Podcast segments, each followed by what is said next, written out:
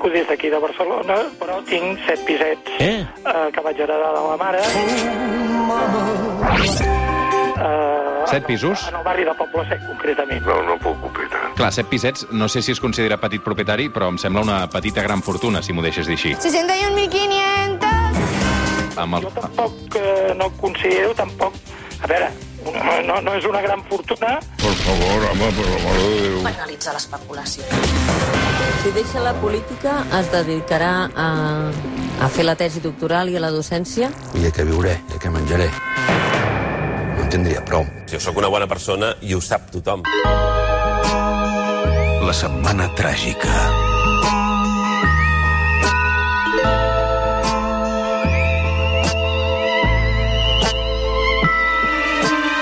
A Londres, Toni Rodon, doctor europeu en Ciències Polítiques, investigador a la London School of Economics, professor de la UPF i de la UOC. Toni, què tal? Bon dia, com estàs?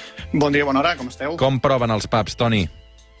Bé, molt bé, molt, molt content. Escolta, tu, la vida és una, és una altra cosa, eh? El Barça segueix perdent, però Sí. tota la resta va bé. Tota la resta de bé. Mira, t'he de dir, eh, faré una confessió, i és que m'he comprat unes entrades per un concert a finals d'agost al Regne Unit, amb aquella temeritat de saber si podré viatjar, no? Però com a mínim la il·lusió d'anar a un concert la tinc.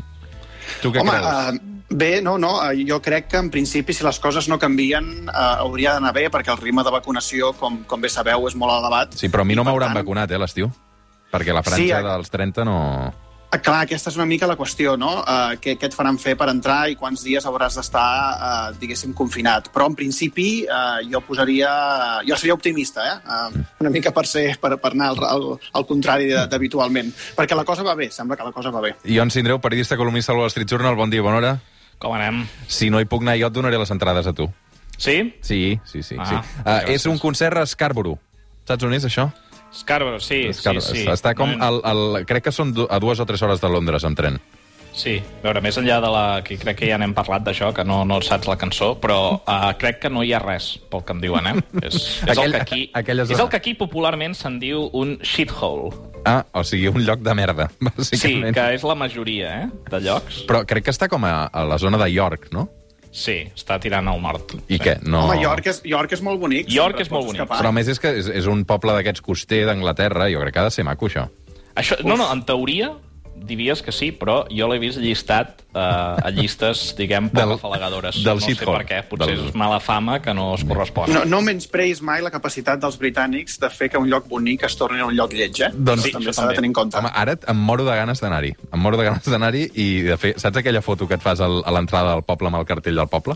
Doncs uh, us enviaré aquesta foto tant de bo em deixin entrar uh, al Regne Unit. Bé, uh, avui um, hem parlat molt de Madrid, deixarem aquesta qüestió de banda. Jo no sé si ens has seguit, perquè, perquè Déu-n'hi-do... Uh, Sí, és molt que jo-. Que, que el què, perdona? Molt pesat, eh, escapa. A Madrid estàs... Bueno, és que escolta'm una cosa, és que això ho canvia tot, eh? És a dir, segons què passi dimarts, és a dir, això, el, el, la tempesta que caurà també a casa nostra, mm, agafa't fort, eh? És a dir... El tea, el tea Party espanyol, eh? realment. bueno, és que, és que, vull dir que jo crec que està bastant justificat que, que, que ens centrem bastant en tot el que està passant allà, perquè... He trobat a faltar Sí? a, a l'himne. Ah. Que, que, no? que, que No toquéssiu tinc. l'himne de la Comunitat de Madrid. Per què? Què, què, què li passa a l'himne? És un himne fascinant, Ah, sí? uh, que està, està escrit a, a conya, diguem-ne, eh? Vull dir que té frases uh, tan memorables com diu, yo estaba en el medio, giraban las otras en corro y yo era el centro, cada cual quiere ser cada una, no voy a ser menos, Madrid, uno libre, redondo, autónomo, entero. I, i al final acaba dient, diu, viva mi dueño, que solo por ser algo soy madrileño. Està molt bé. Està molt bé, sense Té, té paraules. un humor uh, sensacional. Uh, Toni, va, digue-hi la teva. I canvio de tema, eh? Uh, sí, no, no, aviam. Uh, de fet, l'himne és un, un xic simbòlic, no?, en el fons.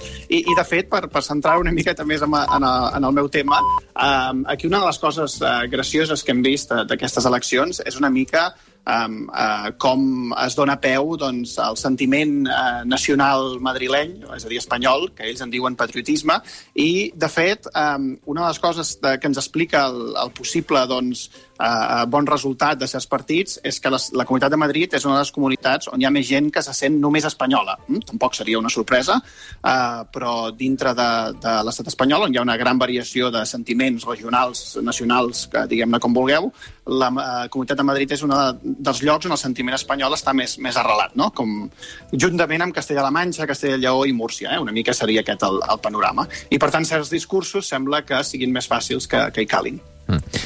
Veurem com acaba tot plegat. Canviem de qüestió, canviem de sintonia, també. Perquè avui a la setmana tràgica no parlem d'Anglaterra, tampoc de Madrid. Avui parlem d'Europa, de la Champions, concretament. Avui el suplement s'acaba a tres quarts de dotze. El Ricard Torquemada i companyia narraran, esperem, l'accés del Barça a la final de la Champions femenina. I aprofitant l'ocasió, avui amb el Lion Sindreu i el Toni Rodon parlem d'esport femení eh, en general, perquè és evident que el tractament mediàtic de l'esport masculí i del femení és molt diferent, però sembla, sembla, sembla que alguna cosa eh, està canviant. Aleshores, la pregunta que em faig és es retransmeten eh, menys l'esport femení perquè interessa menys o interessa menys perquè se'n parla menys, Rodon? És allò del l'ou i la gallina, què va ser primer, no? Sí, clar, aquí eh, és difícil saber què ve primer, no? I, i efectivament hi ha el que se'n diu una, una retroalimentació entre l'oferta televisiva i, i l'interès cap, cap a allò que s'ofereix. En tot cas, aquí, com sabem, en comunicació, els mitjans de, de comunicació, sobretot la televisió, però, però també la ràdio, tenen una, una gran capacitat de, de moldejar o de crear preferències i opinions. És a dir, que si l'oferta televisiva o radiofònica sobre uh, futbol femení, bàsquet, uh, bàsquet femení, uh, altres esports femenins, etc s'incrementés, de ben segur que l'interès respecte al tema uh, creixeria. Aquí, en tot cas, el que hi ha mm, és un problema de, de manca d'oferta, això és evident, però també hi ha un altre que és més greu, que és uh, un problema estructural de desigualtat de, per raó de gènere. Mm? Uh, tots sabem que, per desgràcia, que hi ha unes desigualtats doncs, que molt sovint uh, venen des de que són petits, amb una segmentació clara entre els esports de nens i els esports de nenes. Això crea uns estereotips i uns valors culturals eh, que doncs, s'arrosseguen doncs, amb el temps i que en alguns, en alguns llocs doncs, es, van, es van reforçant. Mm?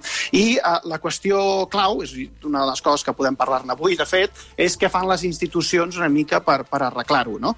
En el passat, de fet, per, perquè es quedi una mica més clar aquest concepte, a certs esports femenins directament ja es van prohibir. Mm?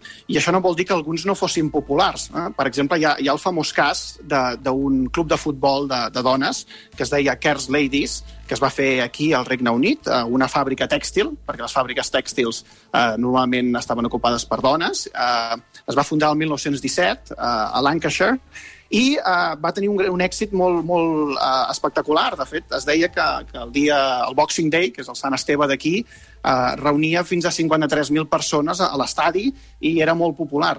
Què va passar? Què, què, va fer, uh, les, què van fer les institucions? Doncs, al·legant a certs, uh, certes queixes, van decidir prohibir el futbol femení durant, durant molts anys. No? Per tant, no només hi ha aquesta desigualtat de gènere estructural que ve per qüestions culturals, sinó que molt sovint les institucions encara l'han reforçat i han fet doncs, que aquesta desigualtat uh, sigui, sigui uh, permanent en el temps i, amb molts, i molt sovint doncs, encara l'estiguem patint. El que és una realitat és que fins fa quatre dies es parlava més del Barça B que del Barça femení. Crec crec, crec que això està canviant. O, per exemple, per fixar-nos en futbol, eh, i amb l'última campanya electoral a les eleccions del Barça, crec que el, el Barça femení ja formava part també del debat. I eh, tots els candidats, més o menys, tenien una proposta. Alguns els van enganxar, perquè recordo, per exemple, Jean Laporta, durant la campanya electoral, eh, que va tenir dificultats per dir el nom d'algunes de les jugadores del, de l'equip, però, si més no, si més no, sembla que um, sí que estan guanyant protagonisme, també per començar per Catalunya Ràdio, ara comencem a fer doncs, uh, la transmissió de determinats partits, no? Uh, per tant, sí. jo, amb dades a la mà, no sé si tu tens la percepció també que alguna cosa sí que està canviant. Uh, sí, sí, sens dubte, eh? Vull dir, no, no, no hi ha dubte de que, de que està canviant. Si mirem, aquí hi ha, hi ha un informe molt interessant de, de FIFPRO, eh, que eh, doncs et demostra fins a quin punt... Eh, sobretot, el que està canviant és, és l'audiència eh, televisiva, no? de, de, per exemple, les, les Copes del Món, uh, de les finals de les Champions, de, de, en general dels partits uh, del futbol femení, si mirem uh, doncs, la diferència entre, per exemple, no, la, el Mundial femení del 2007, que va tenir eh, doncs uns... Eh, això depèn una mica de quants minuts es compta, eh? però si comptem eh, doncs, més de 20 eh, minuts consecutius, per exemple, uns 400 milions de persones arreu del món, el del 2019 va tenir més del doble. Per tant, eh, significatiu. Ara, eh, cal dir que si mirem eh, la gent que va a l'estadi, eh, no ha millorat Vull dir, estem, estem bastant, bastant estancats. També és és a dir, veritat han que fa- millorat els calés que hi van, sí, és millorat veritat. l'audiència televisiva. Fa un any que ningú van a la cap estadi. Vull dir que... No, no, això són dades que no, no tenen en compte el 2020, eh? és, és mirant uh, doncs, des de 2009 a 2019, més o menys, eh? si, si mirem els, el, els grans partits no? del futbol femení. Um, i, i, I no és només en futbol, eh? vull dir, si mirem en general, eh, i una, una manera molt clara de, de calcular això durant el darrer segle és mirant la participació d'atletes als Jocs Olímpics, eh, que està, està registrada i és ben seguda, si eh, mirem des del 1900 fins a, fins a darrerament, veiem que la participació de, de les atletes eh, femenines era pràcticament eh, testimonial eh, i actualment és pràcticament el 50%. Eh, per tant, eh, ha canviat molt i la inversió, els diners que ja estan anant, ha canviat molt. Uh, de totes maneres, um, escapa, i no, no és per uh, treure'ns la culpa de sobre, eh? però jo estic una mica amb el rodon en dir que segurament l'exposició mediàtica no és l'element més important. És a dir, que jo crec que ja potser... L'exposició mediàtica, evidentment, és sexista, uh, i això es veu en, en, en esports més paritaris com el tennis, en mm. què uh, els, vaja, la gent que veu el tennis masculí i femení és pràcticament la mateixa, uh, però en canvi la cobertura mediàtica és molt més, està molt més escurada cap a l'esport masculí, per tant, és evident que el sexisme hi és, però jo no crec que sigui el gran problema. I això el futbol ens ho demostra. Um, si mirem les dades de la FIFA, el 53% uh, de les futbolistes uh, dones del món, que són uns 30 milions, són dels Estats Units i de Canadà. Mm. Això no sé si, si n'éreu conscients. No, però, però està clar que van més avançats en aquest sentit. Clar, A la UEFA són només el 20% mm. val? De, tots els, de totes les del món. Per tant, parlem de que la gran majoria uh, són uh, futbolistes americanes. Um, I aquest és un exemple uh, que és particularment interessant, perquè uh, culpem la tele i els mitjans, però la realitat és que per més que és veritat que les victòries de l'equip uh, femení americà al Mundial del 91 i sobretot del 99 doncs, han donat una certa popularitat uh, entre les dones, entre les americanes, uh, al futbol, um, que, que no existeix entre la població general, més enllà de, dels llatins, no? Um, però eh, fixem-nos que l'exposició mediàtica de la noia mitjana europea al futbol és molt major que la noia mitjana americana. Um, I per més que és veritat que potser no t'identifiques no, amb, un, amb un senyor, um, jo crec que t'identifiques o tens l'aspiració de ser futbolista molt més que si no mires mai el futbol. Um, per tant, uh, no és l'exposició mediàtica que ha generat aquesta popularitat. I tenim altres exemples, eh, com per exemple Noruega també, en què els noruecs només miraven el futbol masculí, sobretot anglès, i tot i així, des dels anys 70 hi ha hagut una gran igualtat pel que fa al futbol base. Uh, per què? Um, doncs té a veure amb les lleis i les institucions, com deia el Rodon, no? Um, per exemple, una cosa clau que va passar uh, als Estats Units és que el 1972 es va passar una llei que prohibia uh, la discriminació sexista a les escoles, i això incluïa els programes atlètics uh, dels instituts.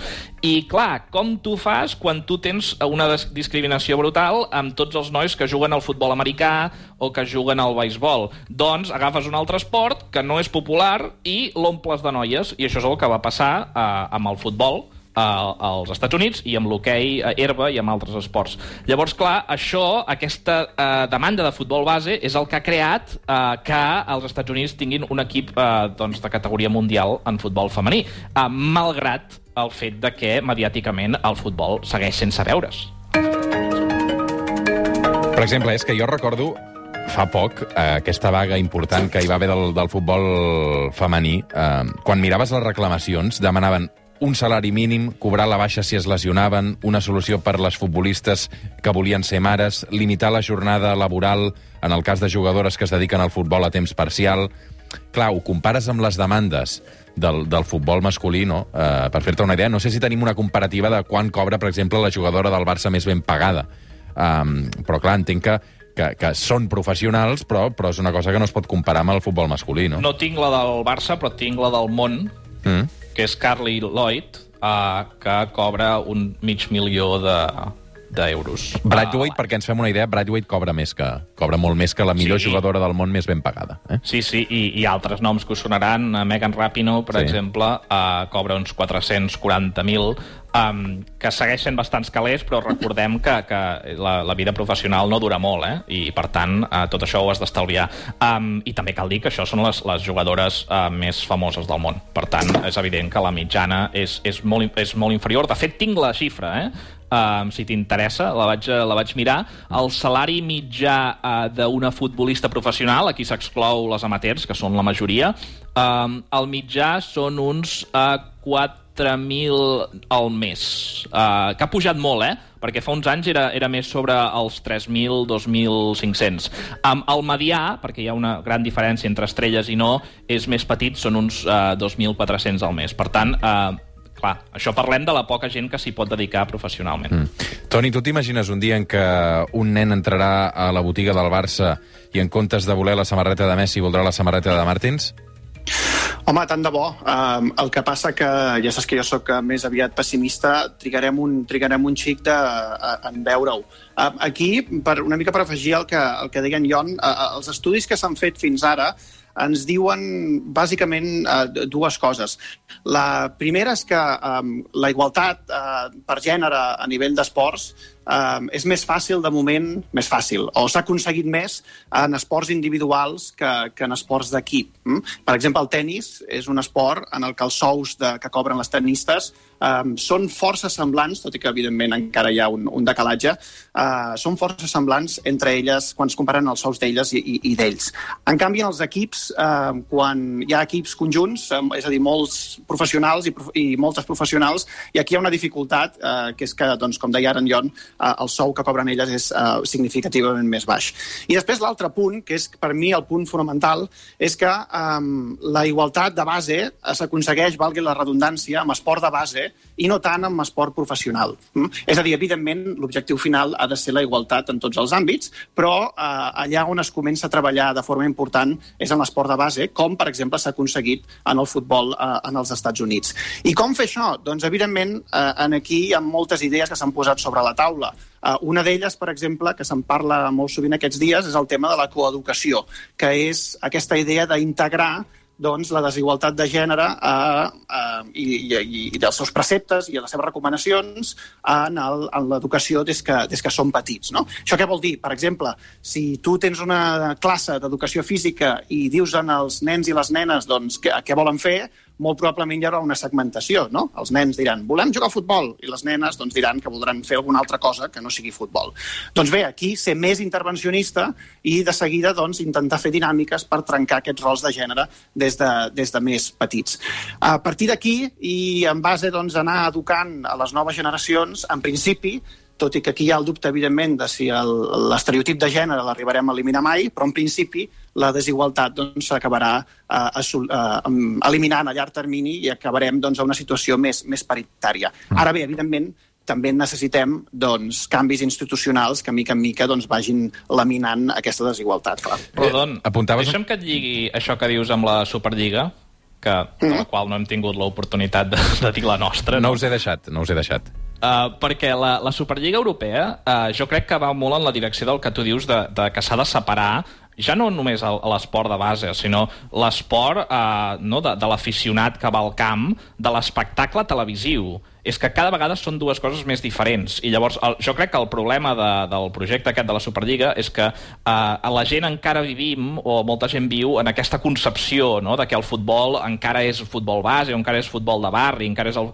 el que tenim eh, no, al cap que és, però la realitat és que l'espectacle televisiu eh, del futbol no té res a veure amb això. No? És, és un espectacle d'això, de, de, de, de, de calés, de que els millors juguin contra els millors, totes aquestes històries. Um, I com deia el Rodon, aquí eh, hi ha un problema que, que també s'ha d'explicar, que és que si féssim eh, que el futbol fos mixt, per exemple, eh, les dones no les veuríem massa a la Champions League, perquè el futbol femení és, i, i ara els oients em diran de tot, eh, però és i essencialment inferior. I això um, és veritat que, que segurament amb calés i inversió es pot corregir en part, però si arribéssim, i això ho veiem, per exemple, amb el tennis, eh, clar, les millors jugadores eh, estarien en el rànquing de l'ATP eh, molt per sota, no?